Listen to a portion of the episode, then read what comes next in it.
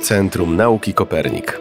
Nauka to nasza pasja i chcemy o niej rozmawiać. Wspiera nas w tym Samsung, nasz partner strategiczny od 10 lat.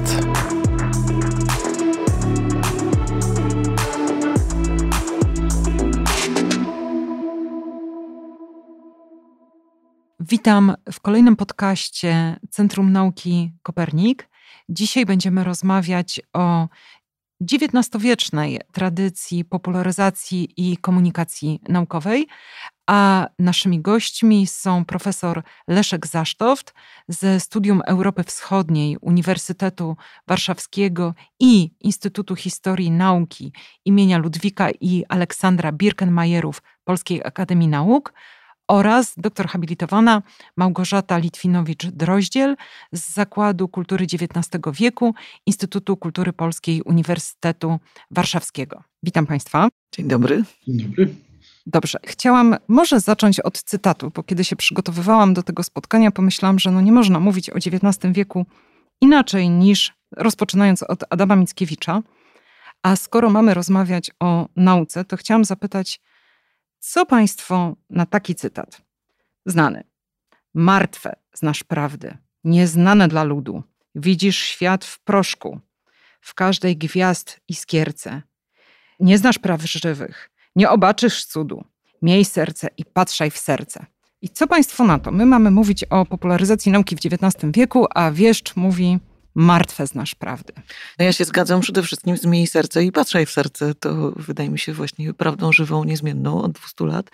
I odpowiem może takim innym cytatem z, też z Mickiewicza, no bardzo znanym, który, z którym wychodzimy z edukacji szkolnej i on jest tak, powiedziałabym, wbity mocno w nasze głowy, wiara i czucie więcej mówią do mnie niż mędrca szkiełko i oko. I wychodzimy ze szkoły z takim oto przekonaniem, że pierwsza połowa XIX wieku, ten okres romantyzmu, no to jest taki moment, w którym y, czucie i wiara, czy prawdy żywe zostają bardzo, bardzo ostro przeciwstawione takiemu twardemu, kategorialnemu poznaniu o charakterze matematyczno-przyrodniczym.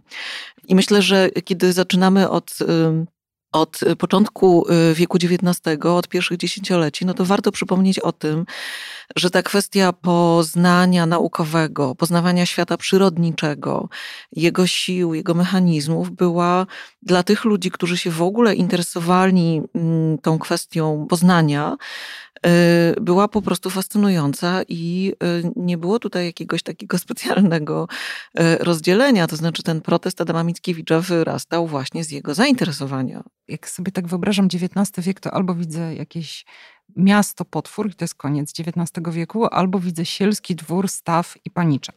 Chciałam Państwa zapytać, może teraz zapytam Pana Profesora, to znaczy, co to znaczy uprawiać naukę w Polsce w pierwszej połowie XIX wieku? W pierwszej połowie XIX wieku jeszcze sytuacja nie jest taka zła, dlatego że e, w tym czasie jeszcze istnieją różne formy państwowości czy też quasi państwowości polskiej, jak Księstwo Warszawskie czy Królestwo Polskie Kongresowe w latach 815, 30, 31.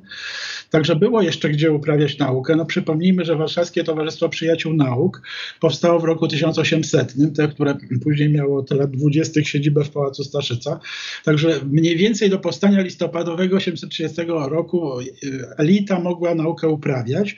Uniwersytet Warszawski funkcjonował, no Wilno było, o którym tu przed chwilą pani y, profesor mówiła, no było takim centrum naukowym w ogóle dla całego tego obszaru i to nie myślę tylko o terenach dawnej Rzeczpospolitej, ale także o Cesarstwie Rosyjskim, bo to był największy uniwersytet w Rosji. W każdym razie, czyli było nieźle. I w drugiej połowie sytuacja się zmienia, dlatego że już nie ma przynajmniej tu na tych terenach w zaborze rosyjskim, nie ma, no to samo się dzieje w zaborze pruskim i, i austriackim, nie ma właściwie możliwości uprawiania nauki y, rodzimej. Oczywiście Polacy są związani z uniwersytetami we wszystkich tych trzech państwach rozbiorowych. To Warszawa... panie profesorze, przepraszam, to przerwę, bo teraz właśnie jestem zdezorientowana. To znaczy mamy taką sytuację takiego schyłku uprawiania nauki, aktywności akademickiej, bo jest to niemożliwe w nieistniejącym państwie, a z drugiej strony mamy kilkadziesiąt ukazujących się regularnie czasopism dotyczących popularyzacji nauki, jakieś wykłady, bardzo ożywioną działalność dotyczącą właśnie tego, co nazwalibyśmy teraz popularyzacją nauki. To znaczy, kto to robił, jak to się odbywało? Dla kogo to było? Zaczyna się od tego, o czym mówiła pani y, profesor, mianowicie jednak od tego romantyzmu. I ten romantyzm, który u nas zdominuje cały ten, y, powiedzmy, intelektualny, inteligencki krąg ludzi, on będzie trwał w sumie, jeśli chodzi o literaturę, dosyć długo. Natomiast y, w nauce to właściwie y, to, o czym ja kiedyś pisałem, właściwie nie ma romantyzmu, oprócz oczywiście y, folkloru, badań nad folklorem, etnologią, antropologią kultury, rozumianą jak wtedy to rozumiano, to jednak to są wszystko badania ścisłe, bardzo mocno powiązane ze świeceniem. Także nawet w okresie Mickiewiczowskim te wszystkie badania, które prowadzono na przykład na Uniwersytecie Cesarskim w Wilnie, są jednak wszystkie dosyć mocno oparte na doświadczeniu, naukach przyrodniczych, na matematyce, fizyce czy też na klasycznych językach, historii i tak dalej. Kto to robi? No, to jeszcze może jedno uzupełnienie. No, nie jest taka zupełna pustynia, dlatego że mamy epizod Szkoły Głównej Warszawskiej z lat 862-69, która tutaj wykształci całą dość obszerną grupę y, literatów, jak się wówczas mawiało, spośród których część z nich zajmie się nauką. Zajmie się nauką najróżniejszymi dyscyplinami, od historii, o socjologia, która w tym czasie zaczyna pojawiać się jako nauka, poprzez przyrodoznawstwo, i inne dziedziny, matematykę, fizykę. I część z tych ludzi e, w drugiej połowie wieku będzie już mocno związana z Warszawą. Dlaczego? Dlatego, że Warszawa jest potężnym ośrodkiem miejskim, największym w gruncie rzeczy ośrodkiem miejskim w tym czasie na wszystkich ziemiach pod zaborami dawnej Rzeczpospolitej. I kapitalizm doskonale się tutaj rozwija. No może nie tak doskonale, jakbyśmy sobie chcieli, ale w porównaniu z tym, co było wcześniej. I jest możliwość, jest zapotrzebowanie przede wszystkim na informacje. Jest, I wybuchają gazety, których będzie bardzo wiele, najróżniejszych. Właściwie wszystkie będą y, zainteresowane problemami naukowymi. Także będziemy czytali artykuły na temat, nie wiem, teorii ewolucji darwinowskiej, na temat początków psychologii Durkheima, na temat y, na przykład y, nowych koncepcji chemicznych i tak medycyny w czasopismach przeznaczonych dla tak zwanego szerokiego odbiorcy. To są w większości tygodniki literacko-kulturalne, jakbyśmy dzisiaj, czy społeczno-kulturalne, czy społeczno-literacko-kulturalne. Jest ich multum. Niektóre mają w ogóle taki profil bardzo mocno naukowy, jak Biblioteka Warszawska w dawnym stylu, no ale są też takie jak Przegląd Tygodniowy, które są właściwie piszą o wszystkim, ale w tym problematyka naukowa zajmuje moim zdaniem około 1 piątej do 1 czwartej, a czasami nawet więcej ogółu treści w różnej formie. Panie profesorze, czyli to jest tak, jakbyśmy teraz brali dowolny tygodnik, miesięcznik czy dowolną gazetę i jedna czwarta objętości tego wydawnictwa, czyli załóżmy nie wiem, cztery strony, pięć, byłoby poświęcone wyłącznie nauce? Tak jest, tylko to jest olbrzymi rozrzut, dlatego że pamiętajmy, mhm. oprócz jakichś osiągnięć medycy z medycyny, mamy informacje o zakresu astronomii, są całe, całe czasopisma poświęcone wyłącznie astronomii. Ja się zastanawiam nad tym, czy, te, ta jedna czwarta objętości to nie jest jednak lekka przesada, bo jak myślę o takich bardzo, bardzo popularnych pismach, które się ukazywały y, y, tutaj, no nie wiem, w rodzaju tygodnika ilustrowanego czy kuriera warszawskiego, no to te działy mm, poświęcone nauce, wynalazkom, odkryciom, one oczywiście w tych pismach były, ale nie były jednak aż tak ogromne i, i proporcjonalnie chyba nie zajmowały po prostu tyle, tyle treści, natomiast rzeczywiście, rzeczywiście były regularne. No pytanie o to, dlaczego ludzie chcieli takie rzeczy czytać, ono jest skomplikowane i proste jednocześnie. Ja myślę, że przede wszystkim dlatego, że świat wokół nich się właśnie wtedy gruntownie zmieniał. XIX wiek to jest e, taki okres, w który mówiąc obrazowo, Polacy wchodzą w kontuszu albo w e, chłopskiej koszuli, a wyjeżdżają z tego XIX wieku jednak pociągiem i e, rozmawiają już przez telefon. I to się dzieje dość szybko, no zwłaszcza druga połowa stulecia jest tutaj okresem takiego bardzo dużego przyspieszenia, w którym rozmaite y, odkrycia i wynalazki i postęp nauki y, rozgrywa się w bardzo różnych dziedzinach życia, w tym także w tych dziedzinach, które dotyczą po prostu y, codzienności. I, i pewnie tak jest trochę z tą historią odkryć i wynalazków w, w dziejach kultury polskiej, tej XIX-wiecznej, że do pewnego momentu bardziej się o tym czyta, niż się to obserwuje. Bo tak, to już o tym też pan profesor mówił, że z tymi ośrodkami życia naukowego, zwłaszcza prowadzącymi faktyczną aktywność taką laboratoryjną, eksperymentalną y, tutaj na ziemiach polskich, niezależnie od tego, o którym zaborze mówimy, od upadku Królestwa Polskiego, no to właściwie ich tutaj nie ma, y, czy funkcjonują w jakiejś bardzo, bardzo y, okrojonej formie, a jednocześnie no to jest taki moment, jeśli patrzymy na dzieje Europy Zachodniej, w którym świat się po prostu bardzo, bardzo gruntownie zmienia i zaczynamy jakby coraz więcej wiedzieć o tych mechanizmach przyrodniczych, prawda? Nie wiem, pojawia się, e, pojawiają się kolejne doniesienia odkrycia czy wyjaśnienia dotyczącej tej niesłychanie fascynującej i ważnej w życiu ludzkim siły, którą jest na przykład elektryczność. Pojawiają się, nie wiem, odkrycia optyczne, pojawiają się, no to już bliżej przełomu XIX i XX wieku, odkrycia dotyczące higieny, bakteriologii, prawda, no jakby tego wszystkiego, co bardzo gruntownie wydłuży y, długość życia ludzkiego, a przede wszystkim jakby pokaże nam y, całe istnienie tego mikroświata, który y, też jest, też jest tak istotny. Więc myślę, że ludzie, ci, którzy czytali, chcieli o tym czytać, bo to była po prostu bardzo istotna część ich świata. Dokładnie tak samo istotna jak powieści w odcinkach, drukowane przecież w tych samych pismach. I myślę, że to jest związane też z takim wymiarem nauki XIX-wiecznej.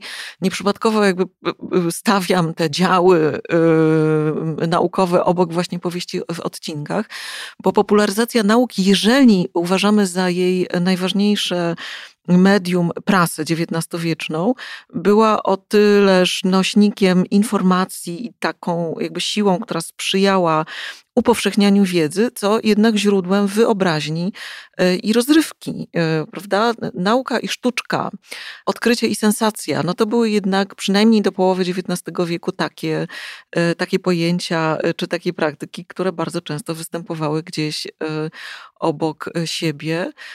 Więc ludzie szukali tych informacji, bo były one z jednej strony użyteczne, a z drugiej strony ekscytujące. Trochę jestem tak zaskoczona, słuchając Państwa, jakie to jest e, intensywne w tym XIX e, wieku. Czy tylko czytano, czy coś robiono jeszcze? Czy była jakaś taka forma popularyzacji, którą Państwo też jakoś zaciekawiła, czy teraz właśnie była inna niż czytanie?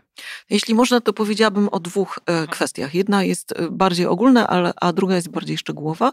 Ta bardziej ogólna e, to, to jest ten fenomen XIX wieku, który nazywał się wystawy. Mhm. Wielkie wystawy oraz wystawy krajowe, czyli ogromne bardzo często w swojej skali przedsięwzięcia, których celem było między innymi pokazywanie, unaocznianie tego, co się udało skonstruować, wynaleźć, y, odkryć. Y, I wystawy nie miały charakteru doniesień, Y, o odkryciach i wynalazkach, tylko rzeczywiście najnowsze osiągnięcia mm, techniki na tych wystawach faktycznie pokazywano. Y, różnie było z dostępnością tych obiektów, ale one po prostu fizycznie się w tej przestrzeni wystawy znajdowały. Największą wystawą, która stała się takim modelem właściwie y, tej, tej praktyki wystawienniczej w XIX wieku, była londyńska wystawa światowa, która się odbyła w 1851 roku w Hyde Parku.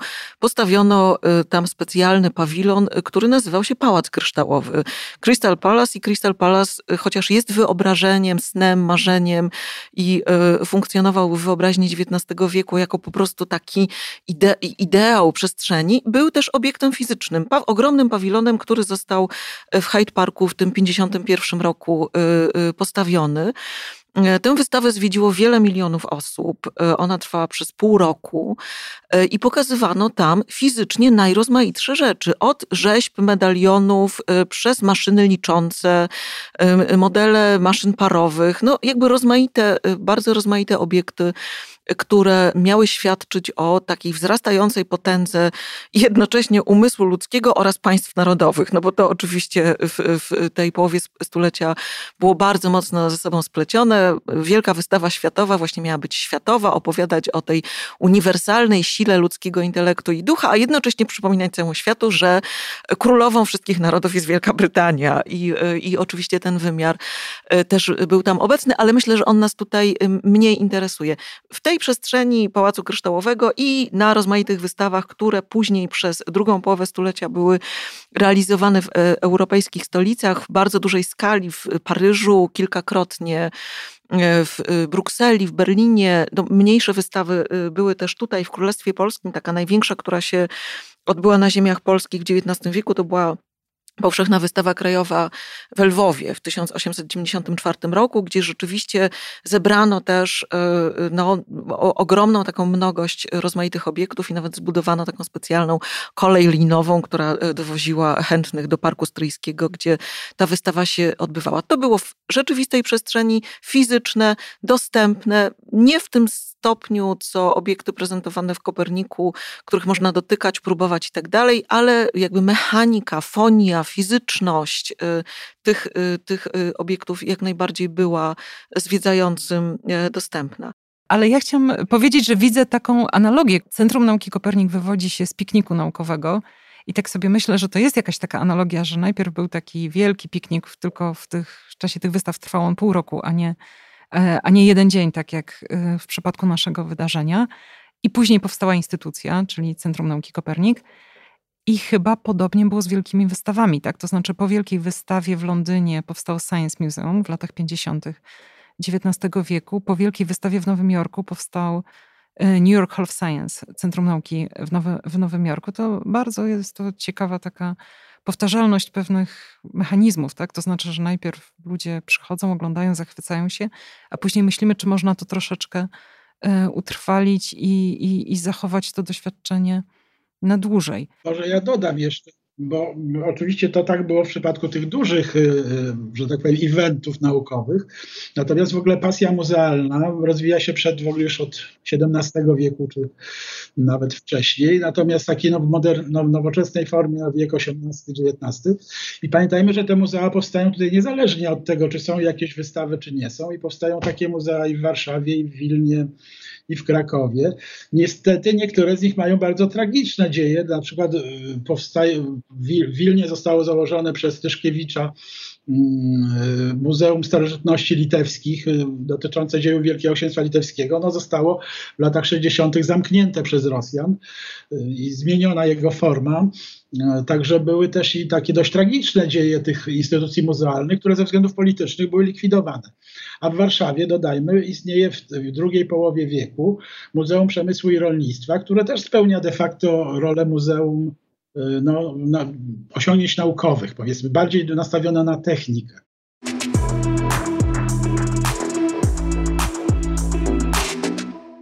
Czy w Polsce istnieje takie określenie jak popularyzator nauki?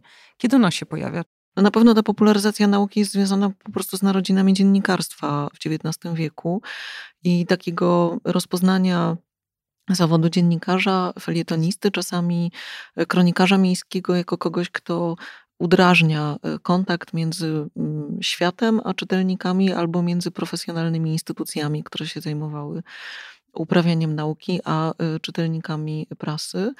Y, dla mnie takim słowem, które jest jakby z ducha XIX-wiecznej i na pewno istnieje w tamtejszej polszczyźnie, słowem i praktyką jednocześnie jest odczyt. Jak Ilono pytałaś o te inne formy niż prasa, no mówiliśmy o wystawach i o takiej jej, takiej różnorodności tej praktyki, które o wystawach, które prezentowały nie tylko właśnie wynalazki o takim charakterze technicznym, ale były też wystawami z zakresu historii kraju, tak, historii narodowej i tak dalej, i tak czy literatury ale właśnie do, do tych form, które były tak żywo praktykowane w XIX wieku e, i wyrastały z medialności też XIX wieku, czyli jakby z tego, w jaki sposób ludziom się było, nie wiem, dobrze, wygodnie i skutecznie porozumiewać, no w centrum jest dla mnie e, jednak to słowo odczyt. Odczyt. odczyt tak, e, czyli właśnie spotkanie o charakterze popularnym, w czasie którego osoba zajmująca się jakimś, jakąś dziedziną, chociaż niekoniecznie w tej dziedzinie specjalista, wygłasza odczyt, którego odbiorcami są osoby ogólnie interesujące się światem. No, prototypem takiego E, odczytu jest dla mnie występ e, Bolesława Prusa zatytułowany O odkryciach i wynalazkach, który Prus wygłosił w Zachęcie e, i był skierowany przede wszystkim do Towarzystwa Rzemieślników, jakby w tym żywym odbiorze. Potem Prus go opublikował i to jest jedna z takich bardzo, bardzo przecież po, znaczy popularnych, no, na pewno znanych tekstów dotyczących właśnie tego funkcjonowania popularyzacji nauki w polskim wieku XIX. Ale korzystając jeszcze z chwili, chciałam wrócić do tego wątku e, właśnie szczegółowego, ale on jest też związany, czy do przykładu szczegółowego, ale on jest też związany właśnie z formami popularyzacji, czyli do postaci, o której bardzo chciałabym, żeby ona się w tej audycji e, pojawiła i to nie jest polski popularyzator nauki, tylko brytyjski uczony i popularyzator który nazywał się Michael Faraday i wszyscy o nim słyszeliśmy w szkole, elektroliza, prawda, i tam rozmaite jeszcze odkrycia. I do takiej jego praktyki właśnie publicznych wykładów, y, odczytów y, połączonych z eksperymentami, które Faraday przez dłuższy czas dawał y, w Towarzystwie Nauk Londyńskim. I po, tym, po tych jego wykładach została taka mała książeczka, która się nazywa Dzieje świecy. E, ona powstała właściwie jako skrypty tych wykładów, spisywane jakby z zewnątrz, trochę jak e, lekcje o literaturze słowiańskiej Mickiewicza. I myślę, że ta książeczka Dzieje świecy jest jakby znakomitym instruktarzem tego, czym może być nowoczesna popularyzacja nauki. Faraday e, działał w pierwszej połowie XIX wieku. Wtedy, kiedy świat był pełen rozmaitych jeszcze ludzi, którzy, którym właśnie eksperyment mylił się ze sztuczką, a odkrycie myliło się z sensacją. I w dziejach świecy, we wstępie do dziejów świecy, Faraday pisze bardzo wyraźnie. W pokazie naukowym, w eksperymencie naukowym, który jest skierowany do dużej publiczności i którym, w wykładzie, który ma charakter popularny, środki powinny być minimalne, a działania jawne. Środki powinny być minimalne, a działania jawne. Czyli nie o to chodzi, żeby zasypać e, widzów e, skomplikowaną maszynerią, żeby ich oszołomić skomplikowaną maszynerią i dać im poczucie obcowania z czymś cudownym, a jednocześnie niezrozumiałym, oraz wykonywać rozmaite zabiegi, które e, pogłębią ten stan oszołomienia. Tutaj mam taki zgrabny cytat. Radośnie przebudziło się ku wiedzy, i które e, wyraża skłonności prawie namiętne wieku do polepszenia bytu materialnego mas i indywiduów. Ja chciałam zapytać, czy były takie działania popularyzacji nauki, czy komunikacji naukowej, jakbyśmy to też e, być może chcieli zaklasyfikować, które były interwencją to znaczy, że coś chciano zrobić i wtedy albo nie chciano zrobić, że społeczność, no jesteśmy tak sobie myślę teraz jednak w dobie dyskusji o szczepieniach, prawda? Czy były takie wydarzenia cywilizacyjne, które z perspektywy czasu wydają się oczywiste, że były słuszne i należało to uczynić? Społeczeństwo tego bardzo nie chciało i wtedy właśnie użyto komunikacji naukowej czy popularyzacji nauki, żeby to się jednak odbyło. Panie profesorze, czy pan zechciałby pierwszy czy była taka znaczy, interwencja? Jeszcze musi być, już zaraz powiem o interwencji, ale jedno musi być zasadnicze uzupełnienie do tego, co zostało powiedziane do tej pory. Otóż w naszych warunkach tutaj rozbiorowych sytuacja była tego rodzaju, że jak powiedziałem o mieście Warszawie, że to było jednak relatywnie duże, duży ośrodek przemysłowy i możliwości zarabiania pieniędzy z rozbudowanym z, no, prasą i tak dalej. Bardzo często popularyzacją zajmowali się ludzie, którzy de facto byli uczonymi. Czyli to nie byli jacyś popularyzatorzy w sensie pisarze, na przykład literaci wyłącznie, choć często ich tak nazywano, ale oni naprawdę na przykład byli historykami, byli chemikami, byli matematykami. Jak spojrzymy na przykład na popularyzację matematyki w tym wczesnym okresie, to się okaże, że mamy tam nazwiska Samuela Dicksteina na przykład, który był jednym z ojców współczesnej polskiej matematyki, zmarł w 1939. Także yy, dokładnie we wrześniu, jak rozpoczęła się II wojna światowa. W każdym razie, yy, czyli u nas tą popularyzacją zajmowali się jednak, ja bym amatorzy, tak, ale duży odsetek był uczonych. I w normalnych warunkach, gdyby w państwo było, państwo istniało, to ci ludzie prawdopodobnie by piastowali katedry uniwersyteckie, co też niektórym się udało w krótkim okresie na rosyjskim Uniwersytecie Warszawskim czy w szkole głównej, no a inni lądowali później już w okresie po 866 roku w Galicji, w Lwowie i w Krakowie i na tamtejszych polskich już uniwersytetach wykładali.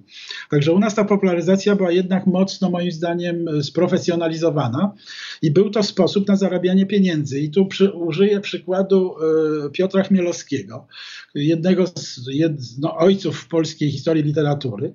To był człowiek, który generalnie mógłby śmiało prowadzić, y, być szefem katedry na Uniwersytecie w Krakowie czy w Lwowie, natomiast on był zmuszony do życia z publikacji.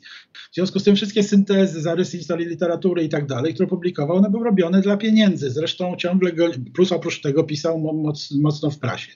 Czyli, czyli właściwie ja bym postawił tezę, że w dużym stopniu, przynajmniej w zaborze rosyjskim, y, ci, którzy zajmowali się popularyzacją, to byli profesjonalni, y, zawodowi uczeni z różnych branż, którzy po prostu tylko poprzez popularyzację byli w stanie zdobyć środki i żyć z tego. W związku z tym popularnie ich nazwano literatami, pisarzami i tak dalej, chociaż oni tak naprawdę byli historykami, chemikami, matematykami. A jeśli chodzi o to y, popularyzowanie rzeczy y, ważnych od strony naukowej, do rozpowszechnienia w społeczeństwie, no to mnie się kojarzy jedna rzecz zasadnicza, mianowicie y, położenie nacisku na popularyzację higieny i w ogóle cały ten aspekt medyczny w XIX wieku. To była rzeczywiście batalia, e, no, wielo, która trwała wiele dekad nie chodziło tu oczywiście jeszcze o szczepienia, bo tych szczepień, szczepienia się pojawią później. Natomiast y, była to walka o po prostu higienę osobistą, o czystość, o walka z kołtunem na przykład, prawda, który zabobonami wszelkimi, które funkcjonowały na wsi. Wszystko to jest mniej więcej pokazane w filmie Znachor, jak to funkcjonowało przedwojennym, później była, że tak powiem, reedycja tego filmu. Przepraszam panie profesorze, czy zechciałby pan wyjaśnić, co to jest kołtun? A Państwo nie wie, tak to jest. No i ja tak bym poprosiła o taką fachową definicję.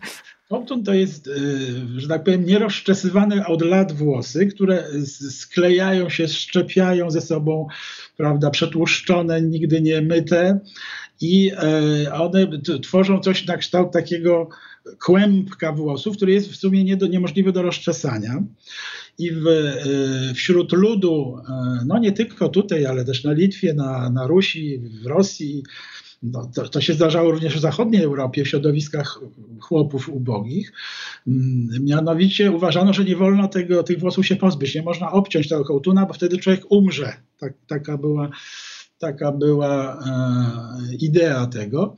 No więc y, między innymi w tym czasie zaczęto walkę z tymi zabobonami związanymi z, z właśnie z higieną. Kołtun to jest chyba najbardziej taki spektakularny tutaj przykład. Mi nie przychodzi do głowy taka jedna spektakularna interwencja. Myślę, że to jest związane z, też właśnie z y, brakiem takiego dobrze działającego aparatu państwowego, który mógłby dystrybuować taką wiedzę higieniczną, ale zgadzam się oczywiście z tym, że ta, ten problem higieny, a raczej braku higieny, y, jej znaczenia mm, był, zwłaszcza w drugiej połowie XIX wieku, no właśnie takim problemem często podnoszonym. Mieliśmy tutaj w Warszawie wystawę higieniczną, na której były prezentowane jakby rozmaite już nie tylko odkrycia, ale też ustalenia dotyczące po prostu znaczenia higieny codziennej, ale wiadomo, że oczywiście liczba odbiorców e, tej wystawy e, była e, jakby w, w relacji wobec liczebności całego kraju nadwiślańskiego no, nikła i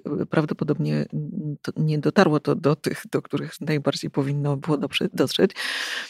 Przypomina mi się antyinterwencja, to znaczy to, co się działo w Warszawie w latach 80., wtedy, kiedy e, budowano tutaj e, kanalizację, czyli właśnie ta interwencja, którą wprowadził, modernizacyjna interwencja wprowadził prezydent Sokrat Starynkiewicz rękoma brytyjskiego inżyniera E, Lindleya i e, jakby z jednej strony zapisało się to w historii Warszawy przecież jako taka zmiana, która spowodowała, że miasto w którym odór prawdopodobnie panował taki, że nikt z nas, ludzi współczesnych, nie byłby w stanie wytrzymać na ulicach Warszawy kwadransa, zwłaszcza w sezonie letnim, że to miasto przynajmniej w, w tej no, takiej zasadniczej swojej centralnej części po prostu się zmieniło. Nie zmienia to tego, że w okresie budowy kanalizacji ukazywały się rozmaite druki i broszury, na przykład taki kanalizacja jako spisek e, niemiecko-rosyjsko-żydowski i e, broszura ta przekonywała o tym, że kanalizacja wypłucze w jakiś sposób polską substancję narodową. I inny wątek, e, e, który też jest takim wątkiem jakby związanym z procesem, a nie z jednym wydarzeniem, jest na przykład wątek cmentarzy, to znaczy rozporządzenia higieniczne, które w XIX wieku skutkowały koniecznością przeniesienia pochówków z centralnych miejsc miast, czyli na przykład pochówków przykościelnych, na obrzeża miasta. No, to się wiązało z, na przykład z ujęciami wody, tak, z rozmaitymi takimi kwestiami, e, które miały po prostu bezpośredni wpływ na e, długość i jakość e, życia mieszkańców. I to była jedna z takich zmian, które też po prostu były bardzo różnie przyjmowane, niekoniecznie rozumiane, niekoniecznie przyjmowane z entuzjazmem. Były po prostu jakimś jakby z pewnej perspektywy odebraniem pe, pe, pewnego prawa, tak? które, mm, które przez wiele stuleci gdzieś tam w tej rzeczywistości miejskiej obowiązywało. No przychodzą mi do głowy oczywiście tutaj zawsze, jak mi się wydaje, żywe y, książki Torwalda o triumfach, stuleciach medycyny chirurgów i jakby rozmaitych spektakularnych akcjach, nie wiem, wypijania e, cieczy, w której znajdowały się e, prądki gruźlicy, po to, żeby udowodnić tak, że nie ma tych prądków i no, rozmaite właśnie takie, takie walki toczone między uczonymi w XIX wieku, reprezentującymi różne opcje, różne, różne sposoby widzenia tego świata przyrodniczego, zwłaszcza, zwłaszcza mikroświata. To jest ciekawe, bo generalnie można powiedzieć, że fake newsy istniały już w XIX wieku. I walka z fake newsami, czyli z fałszem, z nieprawdą, którą publiczność uznawała za prawdę, funkcjonowała już przynajmniej w pierwszej połowie XIX wieku. No, Natomiast y, ja bym zwrócił uwagę na jedno, że jednak to rozwarstwienie społeczeństwa nie takie jak dzisiaj, tylko znacznie poważniejsze, powodowało, że właściwie różne nowinki naukowe e, trafiały tylko do pewnych kręgów. I tu mi się kojarzy na przykład e, e, kwestia gimnastyki, w ogóle tak zwanej, prawda, w zdrowym ciele zdrowy duch. To są koncepty, które się pojawiają w drugiej połowie wieku XIX, szwedzka gimnastyka i tak dalej. Ale jakby sobie zadać pytanie, do kogo to trafiało, no to trafiało tylko do tak zwanej wykształconej publiczności, czyli do, do jednak do szlachty, do inteligencji, do mieszczaństwa, o pewnym poziomie usytuowania materialnego. Natomiast e, jeśli chodzi o tego chłopa, który mieszkał gdzieś tutaj powiedzmy w okolicach Nowego Dworu, to to nie za bardzo e, go ruszało. On miał, że tak powiem, gimnastykę na polu.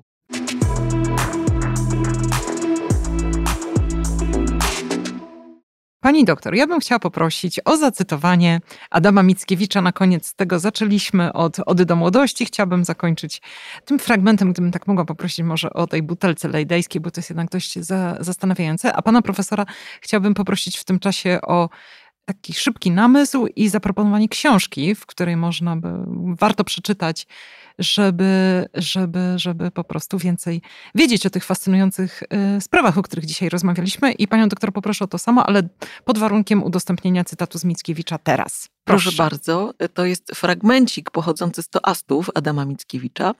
Wraz, gdy staniem w okrąg wielki przez magnesowaną styczność, wtedy z lejdejskiej butelki palniem wiwat elektryczność. I proszę, i tu właśnie wieszczy zawsze na temat. Panie profesorze, co pan rekomendowałby, żeby przeczytać? Znaczy, trudno jest mi coś rekomendować z najnowszych rzeczy, bo bardzo dużo rzeczy się ukazuje. O tym wszystkim, co tutaj mówiliśmy, jest moja dawna książka, niestety z 1989 roku, pod tytułem Popularyzacja nauki w Królestwie Polskim w latach 1863-1905. Także tam jest i o odczytach, jest o prasie, jest o książkach. Mm, także tam można e, zdobyć informacje e, na przykład o, o, to, o czym dzisiaj nie mówiliśmy, do jakiego stopnia import tej popularyzacji z zachodniej Europy był istotnym elementem całego krajobrazu. Bardzo dziękuję za rekomendację. Pani doktor, do czego by Pani zachęciła, że koniecznie warto przeczytać, żeby Nie wiem, czy koniecznie, ale na pewno warto. I mam trzy krótkie propozycje. Pierwsza to jest Społeczna historia wiedzy Petera Berka. To jest bardzo, bardzo konkretne, tak po anglosasku przystępnie napisane y, opracowanie, y, które jakby znakomicie wprowadza nie tylko w wiek XIX, tylko po prostu w taką zmienność tej perspektywy poznawczej. Super się to czyta. E, druga książka, y, to w ogóle nie jest książka naukowa i następna też nie będzie, tylko powieść. No bardzo, bardzo, bardzo polecam czytanie Mary Shelley i Frankensteina. E, szczególnie w takim nowym polskim wydaniu ze wstępem Macieja Płazy, który przypomina o tym, jaki po prostu był kontekst powstania tej powieści, że ona jest częścią takiego wielkiego poznawczego sporu y, początków XIX wieku. I trzecia książka, którą y, gorąco bym chciała polecić, to jest jedna po prostu z ostatnich moich lektur. Może się wydawać odległa powieść zatytułowana Cywilizacje e, Lorenta Bineta e, i opowiada ona o tym, że wszystko potoczyło się zupełnie inaczej, bo, e, bo mm, południowoamerykańskie plemiona nie tylko odparły i narody nie tylko odparły europejską kolonizację, ale przypłynęły tutaj i skolonizowały nas. I może się to wydawać, mówiąc kolokwialnie, trochę odleciane, ale myślę, że że w myśleniu o historii nauki i o popularyzacji i o, tym, o tej perspektywie poznawczej bardzo ważne są ćwiczenia z odwróconej perspektywy, e, ze zmiany perspektywy. I ta książka Cywilizacje bardzo, bardzo do tego zaprasza i ja też zapraszam do jej lektury. Jest jeszcze książka, e, no nie jedna, Yuvala Naha Harariego, Sapiens, a, a, także 21 wykładów na XXI wiek. Polecam, bo tam jest to właściwie, to, to są historie przekrojowe z zupełnie nową wizją i sądzę, że ta wizja jest do, dla nas byłaby dzisiaj najbardziej pociągająca. Bardzo dziękuję. Bardzo dziękuję naszym rozmówcom i do usłyszenia do następnego odcinka podcastu.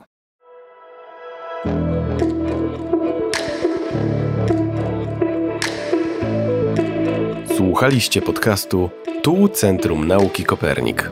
Wspiera nas Samsung, nasz partner strategiczny od 10 lat.